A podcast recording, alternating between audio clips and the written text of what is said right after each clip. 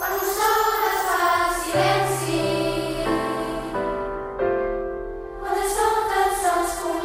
El Palau de la Música Catalana guanya metres quadrats. La institució ha llogat un nou espai per destinar-lo a assajos de l'Escola Coral de l'Orfeó Català i del projecte social Palau Vincles, que treballa amb nois i noies en risc d'exclusió social, Marta Romagosa. Es diu Espai Palau i si mai alguna empresa vol ajudar al seu finançament, podria afegir-hi el seu nom just per darrere.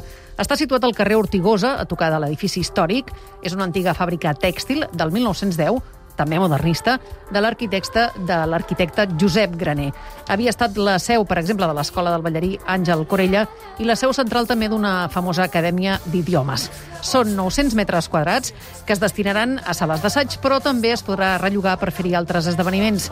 Joan Uller, el director general, diu que aquesta expansió del Palau és una decisió valenta i de futur.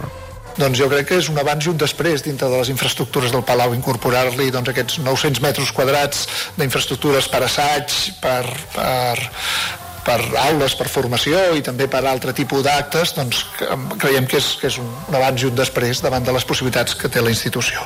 El Palau també ha explicat que a partir de la setmana que ve tanca la sala de concerts per fer-hi millores tècniques que no tornarà a obrir fins a mitjans de setembre.